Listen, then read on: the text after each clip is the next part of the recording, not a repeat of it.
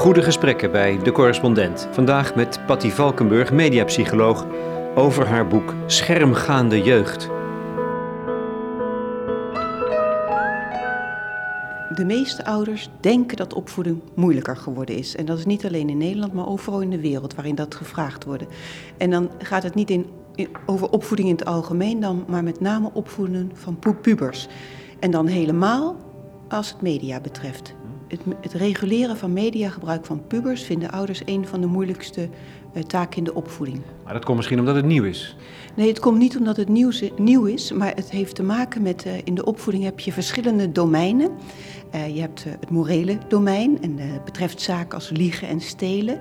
Nou, daar, in dat soort domeinen accepteren tieners makkelijk uh, inmenging. Hè. Liegen en stelen mag niet, dus als je dat uh, doet, dan mag je gestraft worden. Daar kunnen zelfs zij niet over onderhandelen. Precies, dat, dat is het probleem. En zo zijn er ook nog andere domeinen, bijvoorbeeld uh, het domein zoals huiswerk maken en met mes en vork eten. dat is een domein dat gaat over dingen zo, dat hoort nu eenmaal zo en dat moet je nu eenmaal doen. Daar dulden ze ook redelijk makkelijk inmenging in. Maar als het gaat over dingen in het persoonlijke domein, dan is dat veel moeilijker. En het persoonlijke domein gaat bijvoorbeeld over kleding. In kleding, zelfs jonge kinderen dulden daar moeilijk inmenging in. Kinderen van twee hebben dat al bijvoorbeeld. Maar bij tieners, daar moet je gewoon van afblijven als ouders. En dat gaat ook over als het op vrienden gaat, maar het gaat ook als het om media. Media is van hun en daar blijf je vanaf. Dat denken ze eerder. En het intrigerende is dat, dat dat komt een paar keer terug. De gedachte dat adolescentie, vroege puberteit, wat later puberteit, gaat over het vinden van autonomie. Het ontwikkelen van je autonomie, je zelfstandigheid. En eh, dan denk je, ja, maar daarom zijn die eh, sociale media onder andere, of verschillende media, zo geweldig populair. Want daar zijn ze autonoom. En dat moet je dus vooral niet afpakken. Eh, precies dat is precies wat er aan de hand is. Op, uh, in sociale media, daar hebben wij onderzoek naar gedaan, dat heb ik ook in mijn boek geschreven. Sociale media geven een soort gevoel van controle. Controle uh, over wanneer, hoe en met wie je praat. En dat is natuurlijk juist in de adolescentie, waarin dat enorm speelt, van groot belang. Maar daarbij is het ook zo Kijk, in het algemeen is het zo dat als kinderen een jaar of negen zijn, dan is er een redelijke balans tussen hun zelfcontrole en hun impulsen. En dan in de puberteit verandert dat weer helemaal. Dan komen er allerlei seksuele en agressieve impulsen en is die balans eigenlijk tijdelijk weer verstoord. En juist als ze denken dat ze ouders niet nodig hebben, hebben ze hun ouders in die tijd juist het hardst nodig om die zelfcontrole weer opnieuw op te bouwen en hun bepaald gedrag opnieuw te reguleren.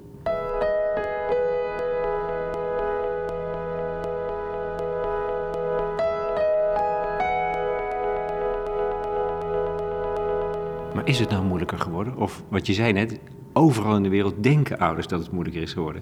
Maar hè, als je dit nou snapt, is het dan ook echt moeilijker geworden?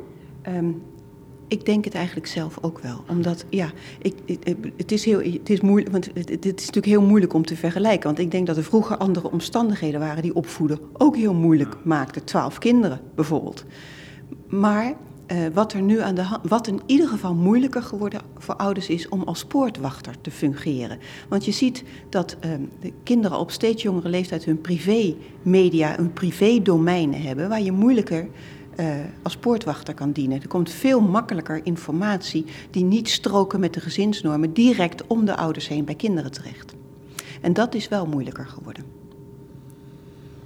Je moet het ook zien, begrijp ik, uit jouw, en via vroege hoofdstukken waarin jij de context zet van, van omgang met kinderen, eh, opvoeding, als je een slingerbeweging van enige eeuwen bekijkt. En dat vond ik ook wel fascinerend, dat, je, um, um, dat er een tijd is geweest waarin kinderen juist alles mochten weten, ja. moesten weten. En dan na Rousseau, dan houdt dat op, want dan moet je kinderen juist zo lang mogelijk in hun on onschuldigheid uh, bewaren in de jaren 60, nou, dan vat ik het even grof samen, dan, dan, krijg je, dan gaan we weer terug. Nee, dan maken we, maken we kinderen weer overal deelgenoot van. Hoe moet je het nou eigenlijk, wat, wat is nou het beste eigenlijk? Als je, als je die eeuwen overziet, wat vind jij nou?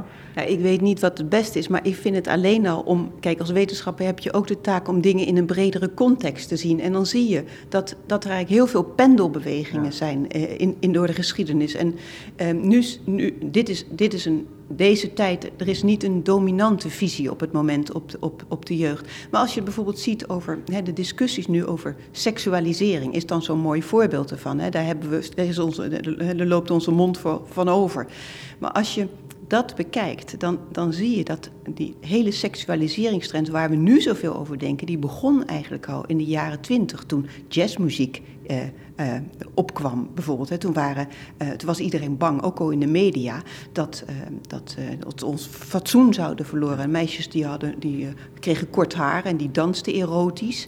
En dat was een zorg. Maar dat is dus, de, seksualiseringstrend is eigenlijk al veel langer aan het opkomen dan we nu denken. Maar wat we ons ook weer moeten realiseren, dat die seksualiseringstrend uh, kwam na twee eeuwen van deseksualisering. Het deseksualisering in de zin dat ja, alles werd taboe, hè, tot in met het hoogtepunt in de, de Victoriaanse tijd, hè, dat uh, zelfs enkels al erotisch waren.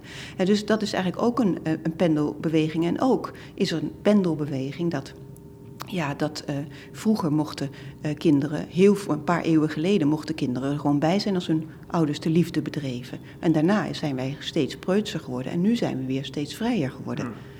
Dus? Dus, um, dus wij zijn... Jij gaat mij ook geen antwoord geven nee, natuurlijk. Ik, ik ga geen... Maar uh, kijk, die relativering is op zichzelf al belangrijk om, om, om, om te, om, om het niet allemaal in een soort morele paniek te trekken van wat er de veranderingen zijn.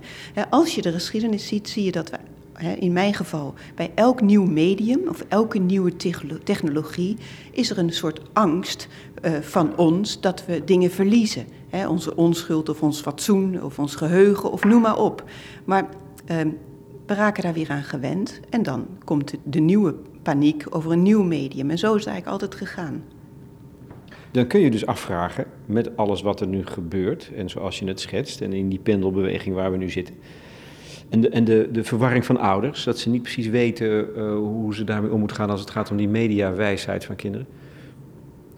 Zou je kunnen zeggen dat media, internet of, of wat dan ook, voor een deel de opvoeding zouden kunnen overnemen? Of is dat een. Ja, dat ja, opvoeding, wat is een, een, deel van opvoeding? We weten uit onderzoek dat uh, kinderen uh, en tieners sociale lessen leren uit media. Bijvoorbeeld hoe ze nee kunnen zeggen. En niet alleen negatieve dingen, hoe, hoe ze nee kunnen zeggen als ze geen seks willen, bijvoorbeeld. Dat leren ze ook via de media. Dus ze leren vaak hele andere dingen dan wij denken als ouders. Dat heb ik ook gemerkt. Hè. Dus dingen die je, die je totaal niet verwacht, dus het voorbeeld dat ik net gaf, kunnen ze ook uit media, media leren. Maar dat leren ze dan via de series? Of, of... Via de soaps. Vanaf een jaar of negen, acht al eerder, zijn kinderen enorm geïnteresseerd in sociale lessen die ze uit media leren. En dat is hoe we om moeten gaan met verliefdheid, hoe, eh, hoe, uh, hoe ze populair kunnen zijn in een groep. Humor is bijvoorbeeld ook een van de dingen die, die zij leren uit media. Kijk, vaak hebben wij als het uh, over leren gaat een vrij beperkte definitie. Dan gaat het alleen over leren, cognitieve vaardigheden leren. Maar er is natuurlijk in het leven van nu zijn er zoveel meer dingen. Bijvoorbeeld het leren van humor. We weten dat mensen die veel humor hebben, dat, dat, dat die populair zijn in de tienertijd, maar ook als volwassenen. En dat soort dingen kunnen kinderen natuurlijk ook leren via de media, juist via de media kunnen ze dit soort dingen. En oefenen in hun uh, leeftijdsgroep. En dat, dat zijn vaak de dingen die verwaarloosd worden. Nee, dat zijn allemaal hele positieve dingen die ik hieruit uit opmaak. Wat ik, wat nog één ding. Um, um, wat ik wel grappig vond, bijvoorbeeld, is wat je ook dan weer ontkracht meteen. Dat is heel prettig, dat wij denken dat uh, kinderen veel, veel sneller zelfstandig zijn, bijvoorbeeld. Door, hè, door alles wat ze nu zelf in die relatief autonome uh, ruimte die ze dan met behulp van al die media innemen.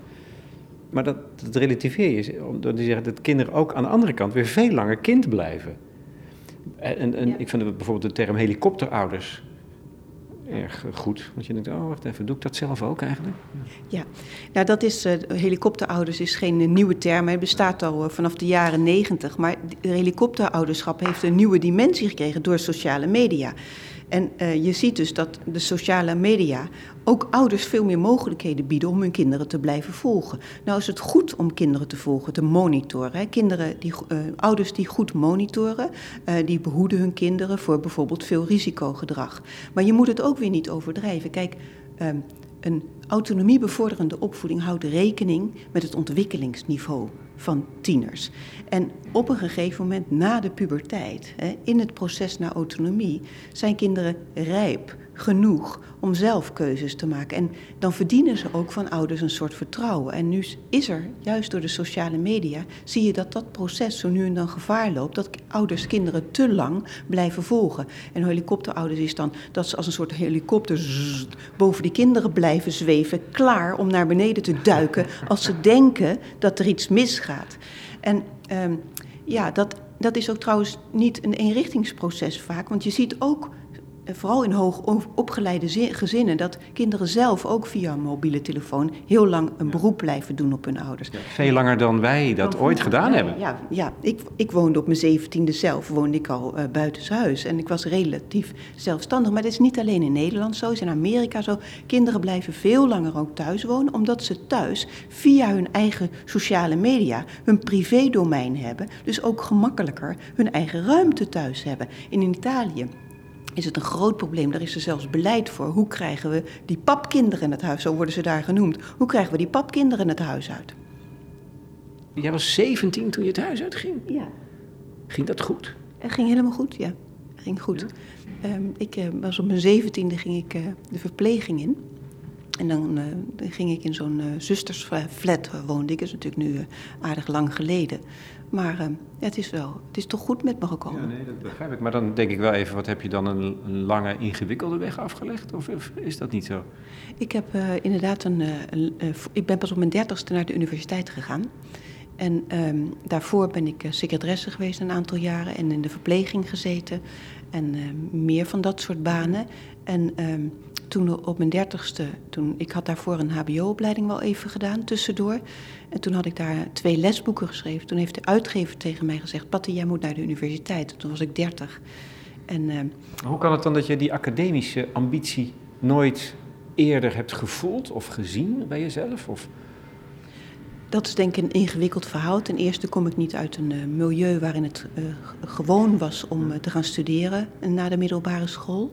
En dat begint natuurlijk al op de middelbare school. Want achteraf had ik misschien naar het ateneum van die tijd, maar ik had alleen HAVO. Dan ga je al niet naar de universiteit zo makkelijk. Maar het, is ook, het was ook niet dat het, het was ook zelf dat ik wilde stewardess worden bijvoorbeeld. En uh, ik had zelf geen enkele ambitie in die richting. En toen ik naar dat HBO ging, was natuurlijk al, had ik al zeven jaar als secretaresse gewerkt. En uh, toen uh, mijn eerste tentamen zakte ik uh, falikant. Ik wist helemaal niet hoe ik moest studeren. Dus en gelukkig is daarna, want toen ik naar de universiteit ging, toen studeerde ik binnen twee jaar cum laude af. En binnen vier jaar promoveerde ik. Dus, dus toen is het helemaal omgedraaid. Maar kan dat, komt het dan ook omdat je later was? Ja, afgezien van het brein, dat, moet dan, dat, dat blijkt ook wel uit het boek, vind ik, een buitengewoon helder brein. Maar het is toch wel verbazingwekkend, dit. Ja, ik, het, is, het is vrij ongewoon om ja. zo eerst zo'n beetje 12 ambacht en 13 ongeluk en dan het ineens te vinden. Nu is het, waren er wel aanwijzingen, ook toen ik jong was, ja. dat ik, uh, dat ik, uh, dat ik uh, dat ik intelligent uh, genoeg was, tussen aanhalingstekens, om naar de universiteit te gaan. Maar het is er nooit zo uitgekomen. En, uh, maar daarna ging het nog verder. Dus ik kreeg uh, allemaal prijzen. Ik heb er, denk wel, zo'n 40 prijzen gekregen. En, en dus in 2011 heb ik een, een, een Spinoza-premie gekregen. Dus dat is de, de hoogste eer die je zo'n beetje kan bereiken in, in de wetenschap.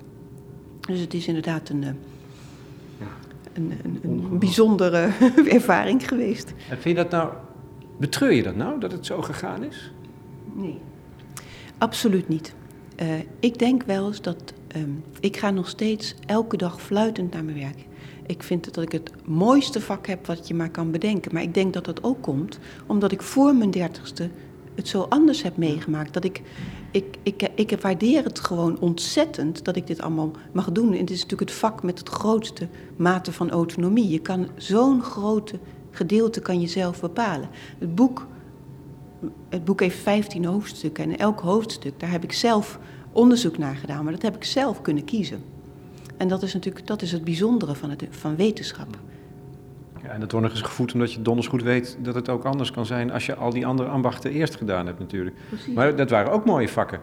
Ik, heb, ik, heb, ja, ik ben, wat dat betreft heb, heb, ik overal wel van genoten. Maar wat wel is, alles wat ik hiervoor gedaan heb, dat ging na een tijd vervelen. En dit vak is nooit gaan vervelen. Ik ging in die tijd, toen ik ook als kind was, naast school, deed ik heel veel uh, andere dingen. Ik had, altijd, ik had altijd van die, uh, van, van die langdurige... Um, uh, hoe zou ik het zeggen? Obsessies. Passies, obsessies. Ja. ik wou zeggen obsessies, maar passies is een ja. mooier woord. ja, en dat, dat bijvoorbeeld, ik wist alles van aquariumvissen. En dan wist ik weer alles van de honing bij. Dus ik, ik, ik, dan kon ik s'nachts niet slapen, omdat ik dan weer iets niet wist of zo. Dus ik had altijd wel zulke dingen. En pas op mijn dertigste was dat jeugd en media. En dan zou je zeggen, heeft dat met kinderen te maken? Nee, het heeft niet zozeer met kinderen te maken. Ik heb zelf geen kinderen. En het is ook, uh, maar het is wat, wat zo bijzonder is in dit vak, is dat het is sowieso veel. Het is ontzettend leuk om met kinderen onderzoek te doen. Uh, in de eerste plaats, maar het is ook veel moeilijker omdat uh, dat als je zelf vader bent, dan weet je om aan een kind iets uit te leggen, dat dat veel meer energie kost. En ze hebben een, een korte aandachtsboog. Dus het is net als dat ook kinderproducten veel moeilijker te maken zijn dan producten voor volwassenen. Is ook onderzoek doen met kinderen veel moeilijker dan onderzoek met volwassenen. En dat, dat heeft het altijd nog een extra dimensie gegeven.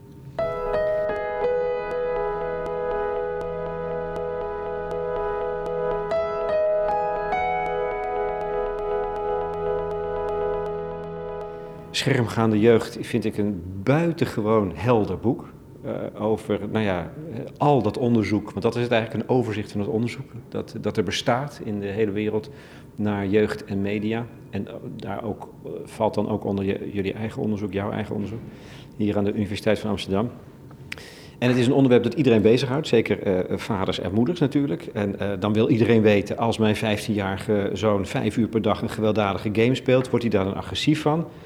Of uh, is het goed als mijn kinderen, als ze 13 zijn, uh, op hun kamer online naar pornografie op zoek gaan? Dat soort vragen. En jij kan die vragen niet echt beantwoorden volgens mij. Niet echt. Nee, dat komt omdat er zulke grote individuele verschillen zijn. Kijk, ik kan best wel algemeen iets zeggen. Kijk, ik zou zelf een kind van 13 jaar niet naar Grand Theft uh, niet la kunnen willen laten spelen met Grand Theft Auto. dat enorm gewelddadige game. Maar ik vind wel dat ouders de eerst verantwoordelijke zijn. En ouders kennen hun kind het best. En kinderen verschillen enorm uh, in hoe ze uh, op media reageren. Dus er zijn gewoon heel moeilijk. Er zijn wel algemeenheden, maar de ouders moeten, zijn wel de eerste verantwoordelijke.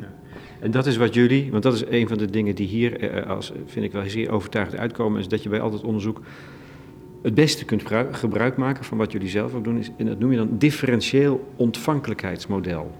Ja. dus, dus al die kinderen zijn verschillend en je moet eigenlijk in eerste instantie kijken naar andere factoren en waar ze zitten in hun ontwikkeling en naar hun persoonlijkheid niet in eerste instantie, het zit nog ingewikkelder. Kijk, wij, wij hebben dus, uh, er zijn ongeveer er zijn duizenden onderzoeken naar de effecten van media, maar er zijn ook al heel veel onderzoeken naar hoe media-effecten tegengegaan kunnen worden. Nou, en wat wij dus zien is dat uh, ouders de meeste van die effecten ook weer tegen kunnen gaan.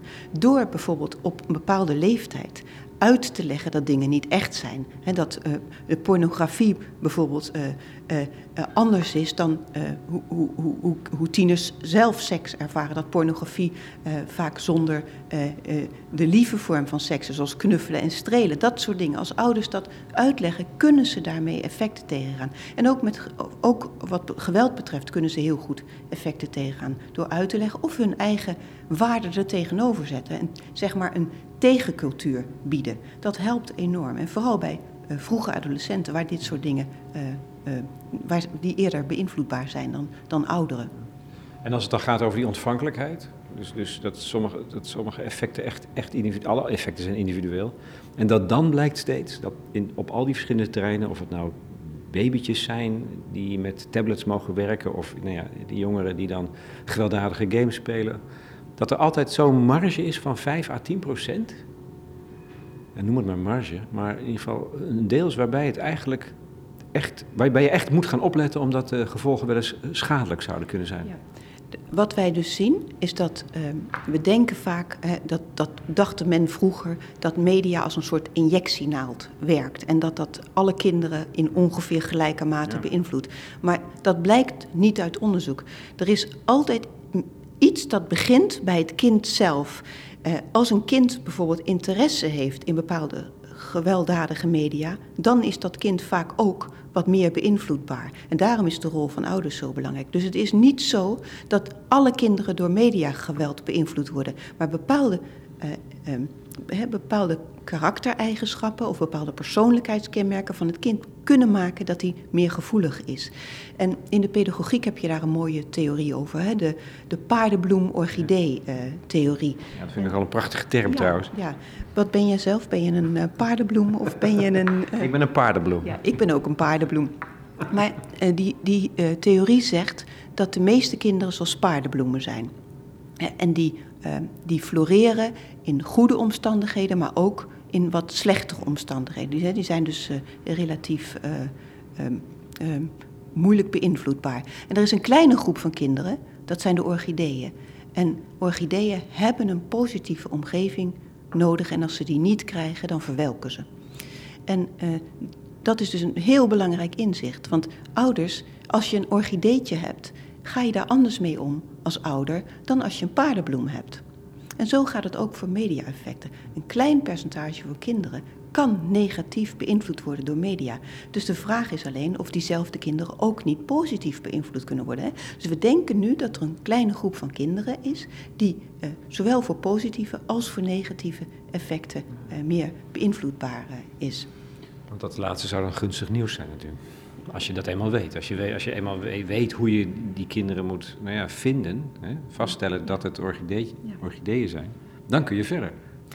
Jazeker, en daar, zo, zover zijn we nog niet. Hè? Want het is ook, uh, het is met wat media-effecten betreft, weten we niet of het dezelfde groep kinderen is die negatief beïnvloed wordt of positief. Dat is een van de grote uitdagingen. En daar wil ik zeker de komende jaren wil ik daar verder aan werken. Ja.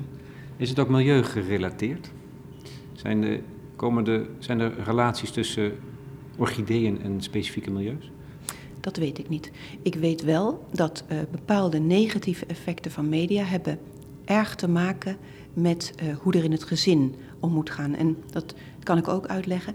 Uh, als kinderen opgroeien in gezinnen waar meer conflict en ruzie is, dan komen media-effecten, uh, of, media-effecten van mediageweld ook harder aan bij die kinderen. Dat noemen we een resonantie-effect. Dus als wat in de media gebeurt lijkt op wat er in de omgeving van kinderen gebeurt, dan hebben die media groter effect.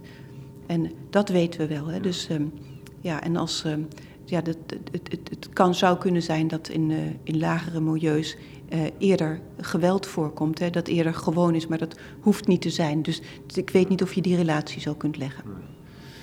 Dit zijn een paar van de eigenlijk de onderliggende nou ja, belangrijke conclusies of, of uitgangspunten, denk ik, hè, waarbij je dit onderzoek uh, kunt bekijken en, en de waarde ervan kunt wegen, denk ik steeds.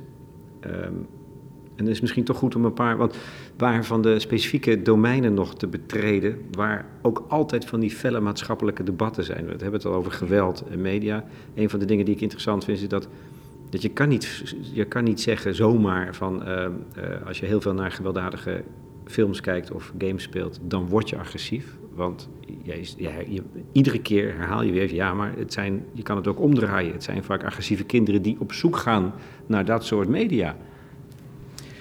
Inderdaad, media-effecten zijn um, wederkerig en dat is uh, wat we keer op keer uh, vinden. Uh, ik kan het een voorbeeld geven voor, voor seks. Kinderen die eerder in de puberteit komen, raken eerder dan andere kinderen geïnteresseerd in seks. Want het is normaal dat kinderen in de puberteit geïnteresseerd raken in seks. Die kinderen gaan ook eerder dan andere kinderen, komen ze in aanraking bijvoorbeeld met online pornografie. Want dan gaan ze naar op zoek. En die kinderen worden ook meer dan andere kinderen beïnvloed. Het is dus een circulair, een cyclisch proces. En dat is een van de. En dat heeft ook te maken dat, met wat ik net ook al zei: dat niet alle kinderen in gelijke mate beïnvloedbaar zijn. En dat het dus ligt aan wie het kind is en wat zijn omgeving is. Wat we bijvoorbeeld ook zien, is dat um, ja, met, als een kind opgroeit in een, in een, in, een peer-omgeving waarin uh, vrouwen als bitches worden gezien, eh, dat ze dan ook beïnvloedbaar zijn door porno waarin vrouwen of clips waarin vrouwen als bitches worden gezien. Dus dan werkt het meer als een soort spiegel of een bevestiging. Ja, een, een resonantie-effect, hè, zo noemen we dat, ja. En um, als je dan zou willen weten, als veel, veel meer pubers uh, online seks zien, beleven, gaan ze dan, heeft, dat invloed, heeft dat invloed op hun gevoelens van liefde bijvoorbeeld? Of de manier waarop ze liefdesrelaties aangaan? Wat we zien, dat, uh, uh, het, we hebben de laatste jaren wel twaalf studies gedaan naar de effecten van uh, pornografie op internet op de houding van jongeren op ten aanzien van vrouwen bijvoorbeeld, maar ook ten aanzien van seks, of ze liberalere opvattingen krijgen, of ze seks meer als een spel gaan zien, dat niet in het teken van liefde hoeft te staan. Daar vonden we inderdaad opnieuw weer die kleine effecten. En um, um, die zijn er inderdaad. En maar ook daar kan ik zeggen dat het niet alleen negatieve effecten zijn die we, die we vonden. Is bijvoorbeeld wat ze ook leren, dat zijn die effecten die we helemaal niet zien als volwassenen. Dat uh, bijvoorbeeld er was een aflevering van Friends waar een condoom klapte. En dan leren ze hoe ze hoe je, wat je dan moet doen als een condoom klapt. Dus er zijn ook vaak het soaps en noem maar op. Ook dingen waarvan je niet verwacht dat ze die leren, maar die leren ze er wel uit.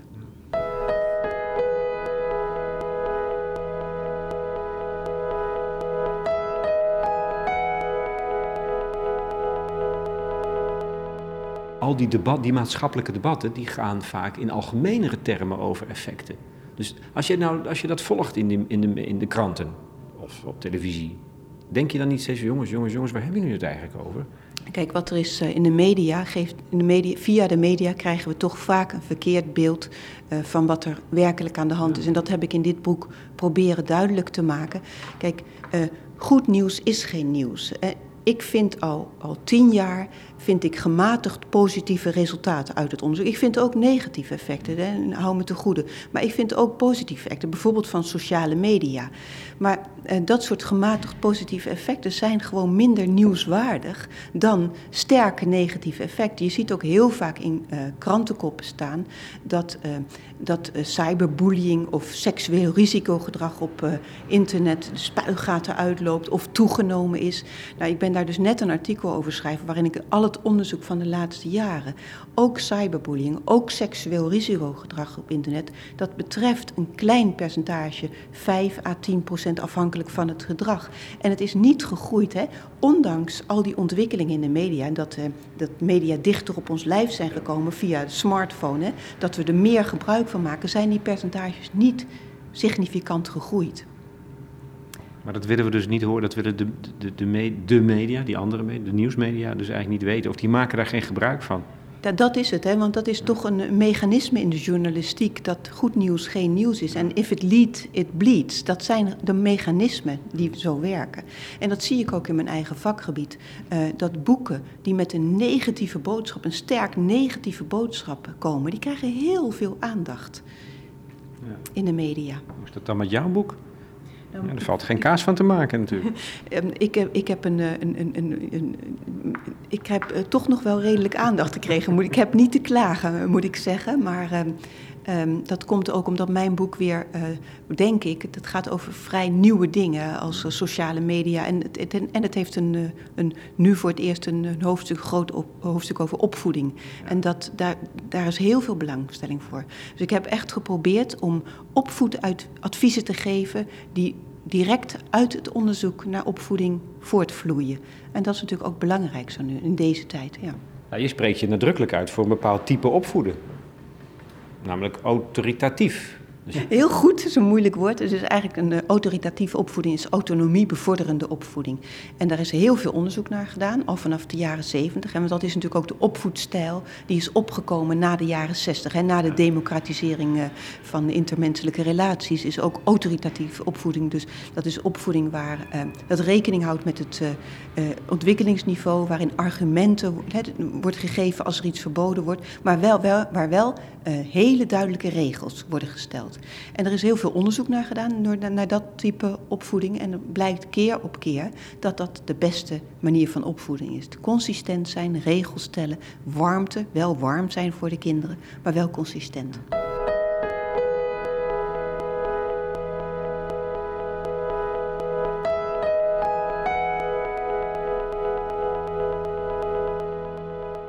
Ik vind niet dat er uh, geen gevaar zijn. Hè? Want kijk, empirisch onderzoek wat ik doe, is, dat gaat over de stand van zaken. Maar ik zie wel bepaalde ontwikkelingen uh, waar we echt rekening mee moeten houden. En dat is een van de dingen waar ik me, uh, waar ik me, wat ik nog wel wil zeggen, is dat we nu zien, kijk, alle communicatietechnologie, die zat eerst, zat die in de desktop op onze tafel, maar die is verhuisd naar de smartphone in onze zak. En die zit dus letterlijk zeer dicht op ons lijf.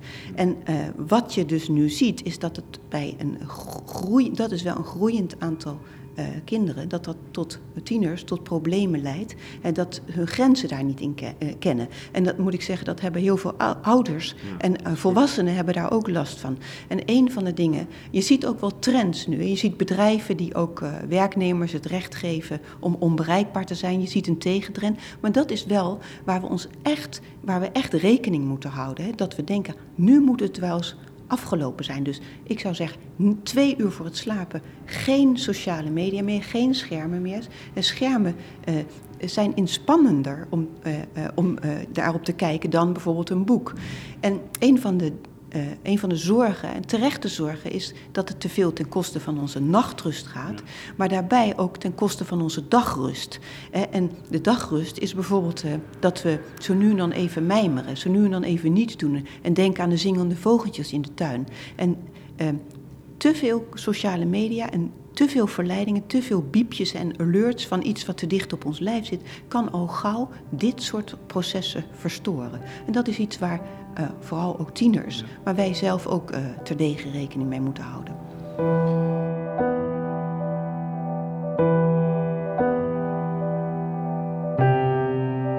Ja, in, de, in de adolescentie gaat het nog steeds om om de drie dingen. Het vormen van intimiteit, dus het uh, vormen van vriendschappen. Uh, het vormen van identiteit, om te ontdekken wie je bent.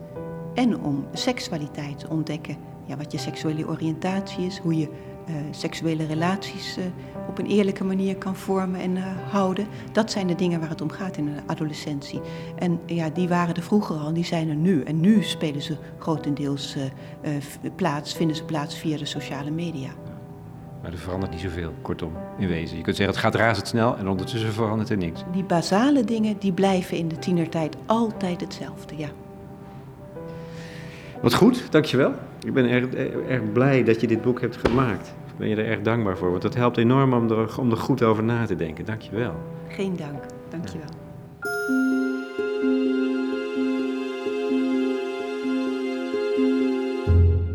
Patty Valkenburg, in gesprek met Lex Bolmeijer over schermgaande jeugd, over jeugd en media voor de correspondent.